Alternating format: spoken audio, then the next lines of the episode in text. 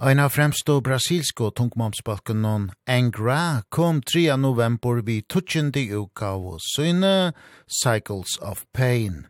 Og i hessens samband i hau vi finnes jo året av einasta opprunali, men gitarlagaran Rafael Bittencourt. Angra hever sin opprona i Sao Paulo i 1991. Og så gjenta hever bakkeren mense til fremsta brasilska power metal-bøtjen. Nekvar utskiftingar her og veri jo i Ankra og jøkken tøyina, og manningen som er i Balchen og nøydea, hever vi at Trimon Thomas Sainastå, utgav noen. Secret Garden fra 2014, Ømni som var utgiven i 2018, og så nokje utgavene Cycles of Pain, som overløyge vera dokna sær 3. november. Møtøkan av seg tøtjende utgaven hever veri ekvelia gau, og ta er Rafael Bittencourt, sjølvande fegen, om. Well, it's been better than we expected. It's like, um, it's mission accomplished. We've been, we've been developing, you know, this musicianship because Angra is, despite the fact that we're classic band, I mean an old band of 32 years, we actually have three different bands in this three different generations, you know. It's like three different bands trying to hold up the same original concept.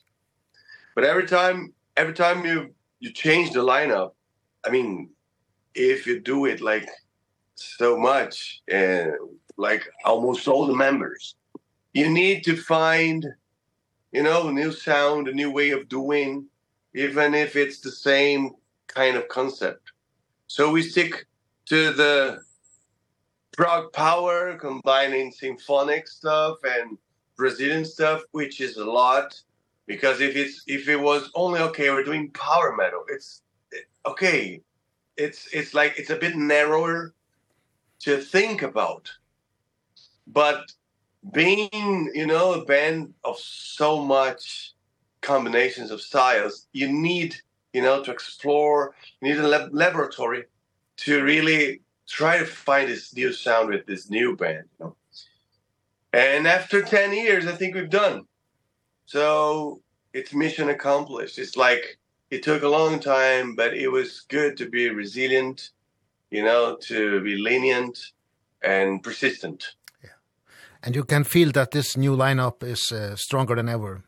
Oh yeah, and all I mean individually, they're all in their best moments, you know. Bruno the drummer, he moved to California and now he's being hired on every gig there. I mean, from Rich Cotton to soul music and jazz, all that kind of stuff. Uh Felipe has recorded a solo album that was like blast you know is very good on writing songs and instrumental stuff. Uh Marcelo I mean he's one of the best guitar players I know. And also he's a businessman you know. He runs two guitar schools in Brazil. He has lots of guitar courses. He has a restaurant a, he has a he is a partner in a restaurant and um in a pub. So he has this wide picture of what is the scene. Fabio is singing better than ever. He's a monster. And also myself, you know, I have my YouTube channel that's going very fine here in Brazil. I've practiced during the pandemics. I dedicated myself a lot to the guitar. So I think I've improved also as a guitar player. Yeah, we're all individually in a good moment and we have a good connection I mean, among ourselves, you know, we admire, we, we respect ourselves, we have friendship, we have bonds of friendship and partnership that are very strong. We're all facing the same direction, so I think this is important.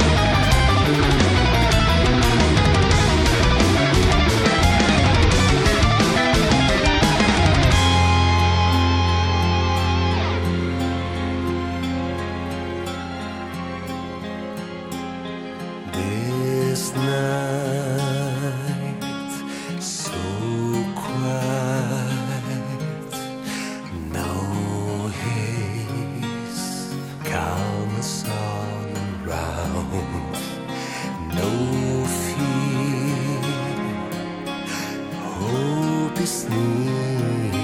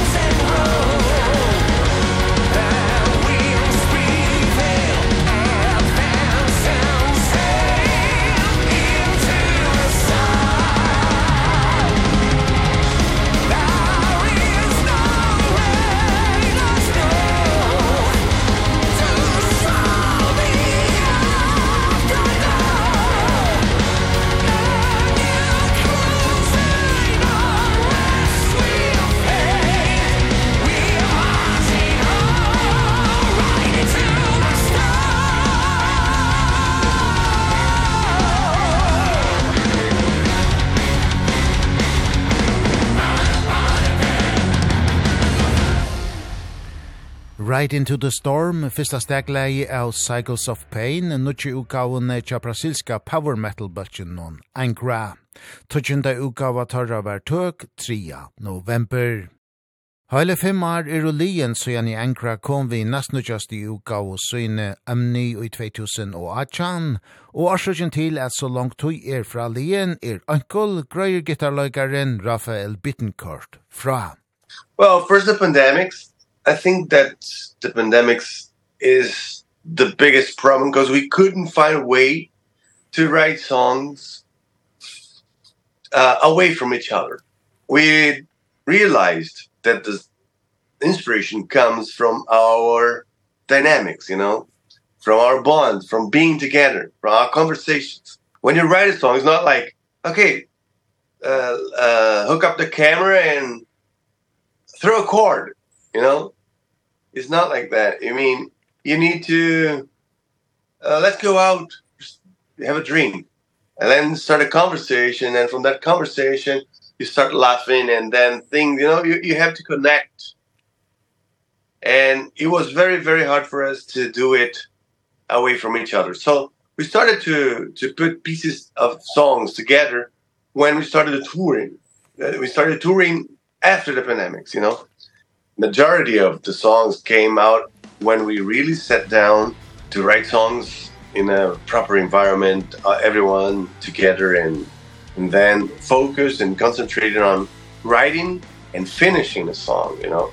As many times when you do the uh, a video chat to write a song it, it, you don't feel very much motivated or inspired to to to keep doing it you know. It's not fun basically. It needs to be fun. So so you sit together and and write music. Yeah, that's that's our basic technique.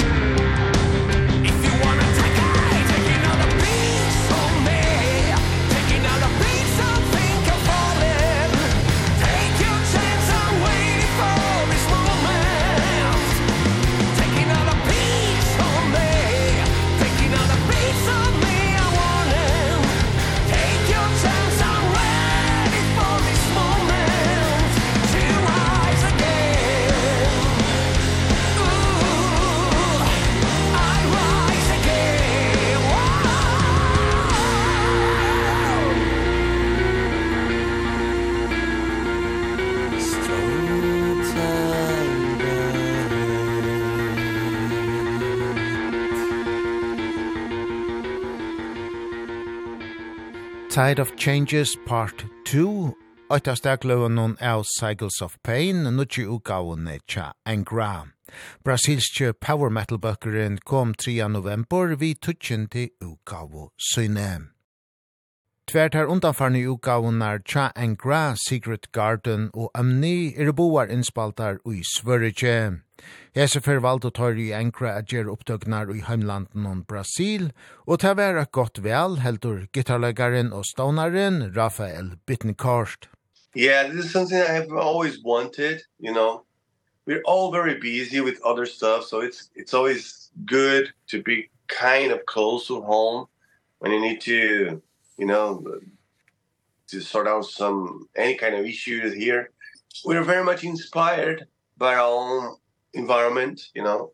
Basically, our inspiration comes from our Brazilian reality, as chaotic as it seems, you know.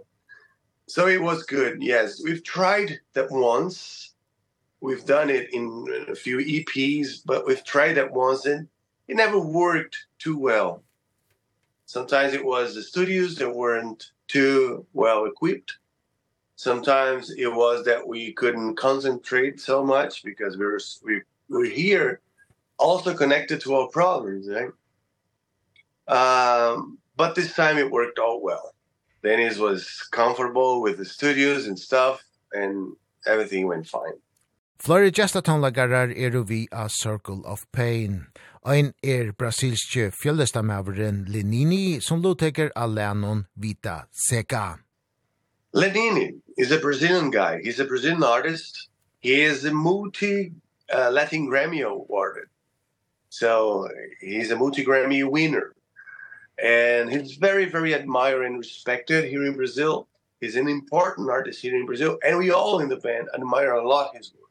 And it's very Brazilian. And when we were writing that song, Vida Seca, it has a lot of his sound. He has a lot of his own influence. So we said, okay, what if, yeah, it, it sounds very much like Lenini. What if we invite him? We, we said, well, I mean, the guy's busy and famous. Maybe he won't be willing to uh, we, uh, as we always say here in Brazil, the no is all we have. Let's try to look for the yes or the maybe. So we call him and with the no that we had already.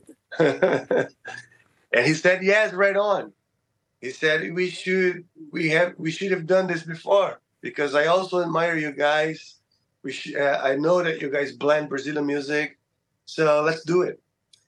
So it was for the sound, for the image, for that connection.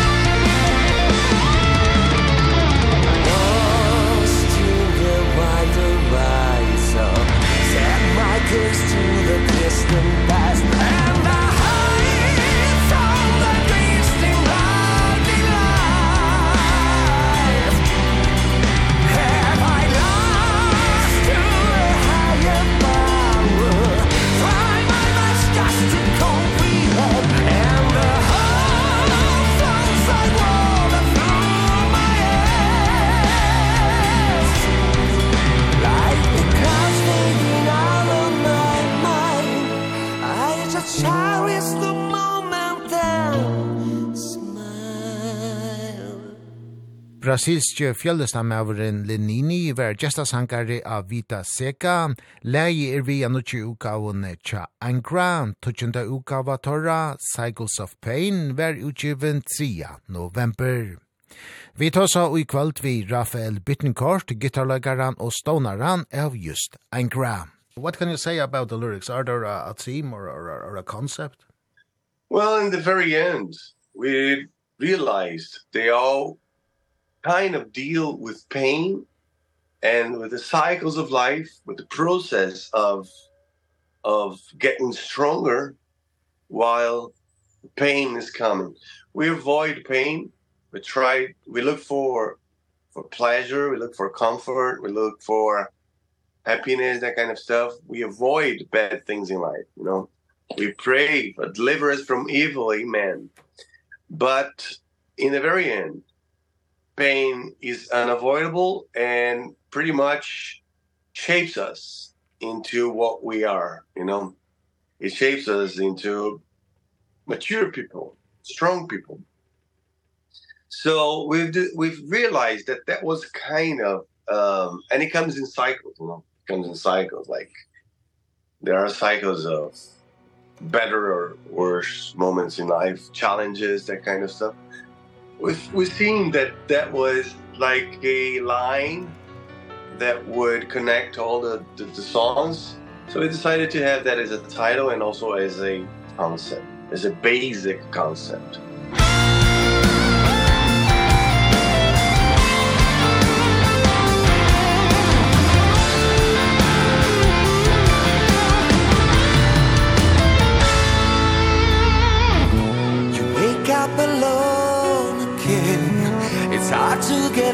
out of breath Your mind is blank. Your heart is black All these fears that you can't explain. When nothing seems to make sense. A shallow grave. You bury it in Everything goes wrong.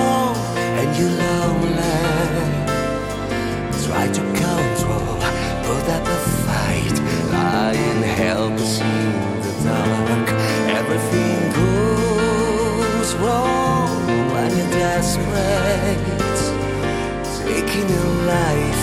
Won't make it right. Hide your tears. The battle of every day. Pretend it's all gone away. The agony. A broken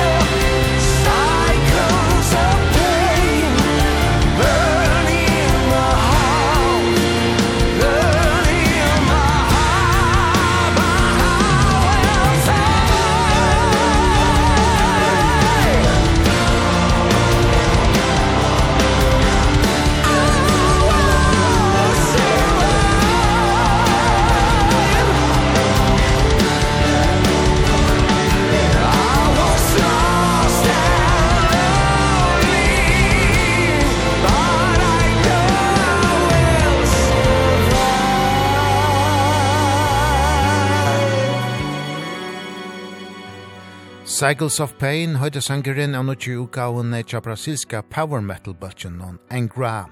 Tutsjenda utgava torra bær tøk 3. november. Ward som et landa er kjenter ur bøkken non Pink Cream 69, Magnum, Chimera og Unisonic, hever avur framlagt trutjar utgaver tja Engra. Rebirth fra 2008, Temple of Shadows som var utgiven i 2004 og Aurora Consurgence fra 2006. Og vårt vær rette personeren til oppgavene heldur Rafael Bittencourt. Our music is very dynamic, you know. We like to work with soft parts that develop into epic parts, you know. Lots of sound, and then so all of a sudden everything is quiet with just a flute or a piano you know? We like that kind of um contrast in dynamics. And it's very hard to find that someone that understands that you know? Because either the producers they they are jazzy and they like soft sound and stuff you know? Or punchy punchy sound. But uh Dennis has worked with us before and he knows a lot about it. And he's also a musician and he he understands very well the uh, band environment you know so he blends very well with the band like a sixth member and and so it's not only about the sound but the whole atmosphere he creates and on a very good mood and and smooth all the way through. Som our nevnt, så er det flere gestatonlagarar via Cycles of Pain. Alenon Tears of Blood, lutaka amerikanska Amanda Somerville og brasilska Juliana Di Augustini. And to get this uh, contrast and dynamic, you have a lot of uh, guest musicians on the album. Uh, how did you choose these uh, musicians? Basically looking for the sound, their sound, you know, their voices, and also their personalities, you know? So Amanda Somerville, she's an American singer. She's been singing heavy music. She's been, you know, uh, she's been part of other bands and projects she has a voice the very flexible voice. She can be she can she can sound as a rocker. She can sound as a musical musical singer. She can sound as a more operatic if she wants. So for that song we needed that kind of voice. We needed i mean a little operatic and also more to the musical side but it would be cool to have a, a, someone that has an, an image with the rocker fans. And Fabio is a friends is friends with her. And it was I mean he connected with her he called her. She said yes right on. It was like one of her first works after her pregnancy you know of two childs. So it's like for her it was good. She said she said she was happy you know to be back in the business and stuff. So it was it was good because she was very committed very dedicated on on on doing the best you can. So it was it was fun. And then comes uh Juliana D'Agostini. She's a piano player. She's very um famous in the um, classic music. And I wanted that song Tears of Blood to have a classic and dramatic piano on. And Juliana I I make I I'm a friend with her. I asked her and she said, oh, yes, right on the man also. And, um, and then uh, she recorded the piano and Tears of Blood.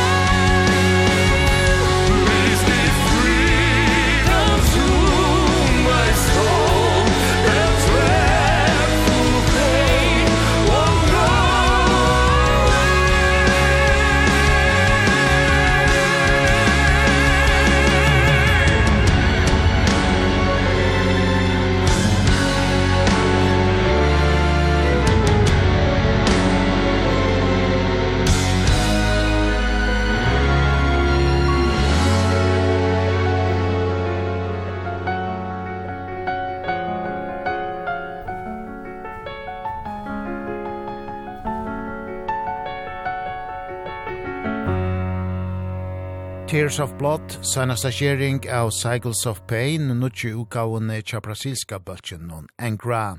Tutjenda utgava torra var tøk 3. november. Som gestatonlagarar har du vid amerikanska sankaran Amanto Somerville og brasilska klaverlagaran Juliano Di Agostini. Gestur i Ragnarok i kvöld er Rafael Bittencourt, stånaren av just Angra. And if you look at uh, Sagas of Pain and, and your previous albums, um, can you see any, any difference between the new album and, and the pre your previous albums? Comparing to our two previous ones, okay, the ones with Fabio, I see a very clear evolution because it's like we're trying, I mean, lots of what we uh, what we have in Cycles of Pain, a lot of it we can notice on these two previous ones you know because um yeah it takes many many times it takes time to evolve you know to to elaborate you know that especially because it's not that we are five people trying to create good music. It's not the point. We're five people trying to create new, good music but it's got to connect with 30 years of music it's got to connect with comparison that people make with with the previous members you know? It, it you have a lot of references. People i mean we have a lot of albums to be compared with. So that's uh that's tough many times because you need not only to write whatever comes up to your mind but you need to write something that connects to what you've done before you know? But also try to find a way to express yourself freely. What I hear now is a more mature album. Now we sound as a band. This is the, the sound of a band. The guys, I mean, this lineup has been uh, is been together for 10 years. You know, Fabio has been Fabio and Bruno they're, they're, they're with us for, for 10 years. So now we people compare much less. They know that that's the sound that we have. So there's also more confidence we're more confident on this album than before. And this album has an atmosphere that we rarely had in the past. I think people listen and hear that there is this empathy among all the members and there is this this uh, aura of being facing the same targets, you know so that's something that i mean the the the vibe the energy around the album is much different than before. And you've been part of of the metal scene for over 30 years now. Is it easy, as easy for you to write music now than it was 30 years ago or is it difficult for every album? Well it's always difficult. It's like a, a labor of uh, childbirth you know? It's it's always painful. It's not that they, it's not that the mother got used, you know, to give in labor because it's always painful stuff. But it it's easier, yes, because I stress less. I try to control less. I trust my bandmates. I trust their ideas. I think we all trust each other on what we're saying. We're uh, we have a good um emotional environment. Yeah, we, we we're all committed. We're all passionate about it, but we're not arguing or fighting about it. So that's I mean, that's very important. Atomic energy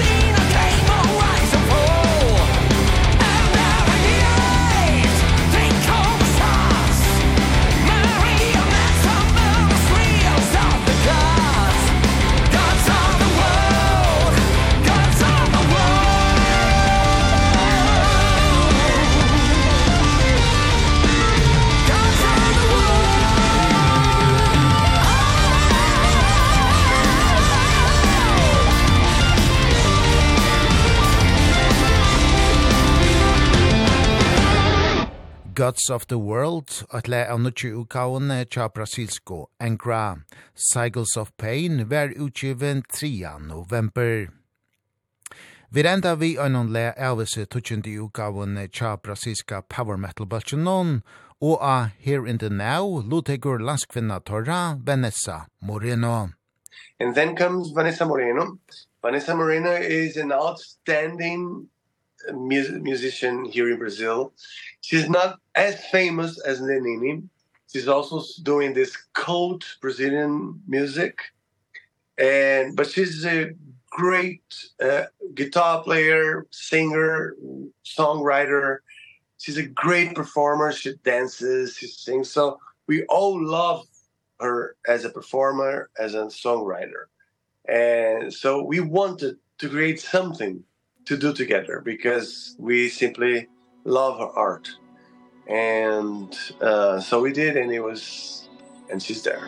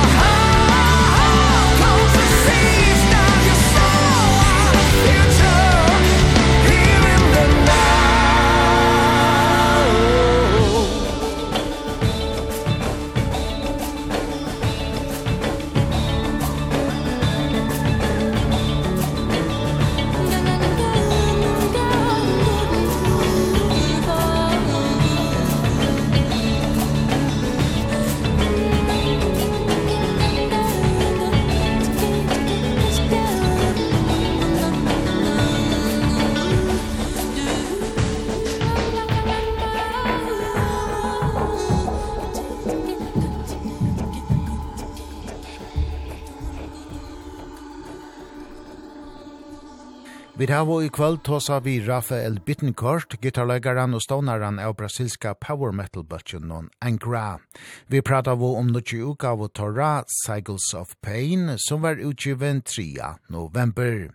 Vi spalte oss nu flori av loven og av oss tutsjen di uka Cha Angra, og nå til søgnast har du vidt Here in the Now, her landskvinna Torra, klaverlegaren Vanessa Moreno, ver gesta tonlegare.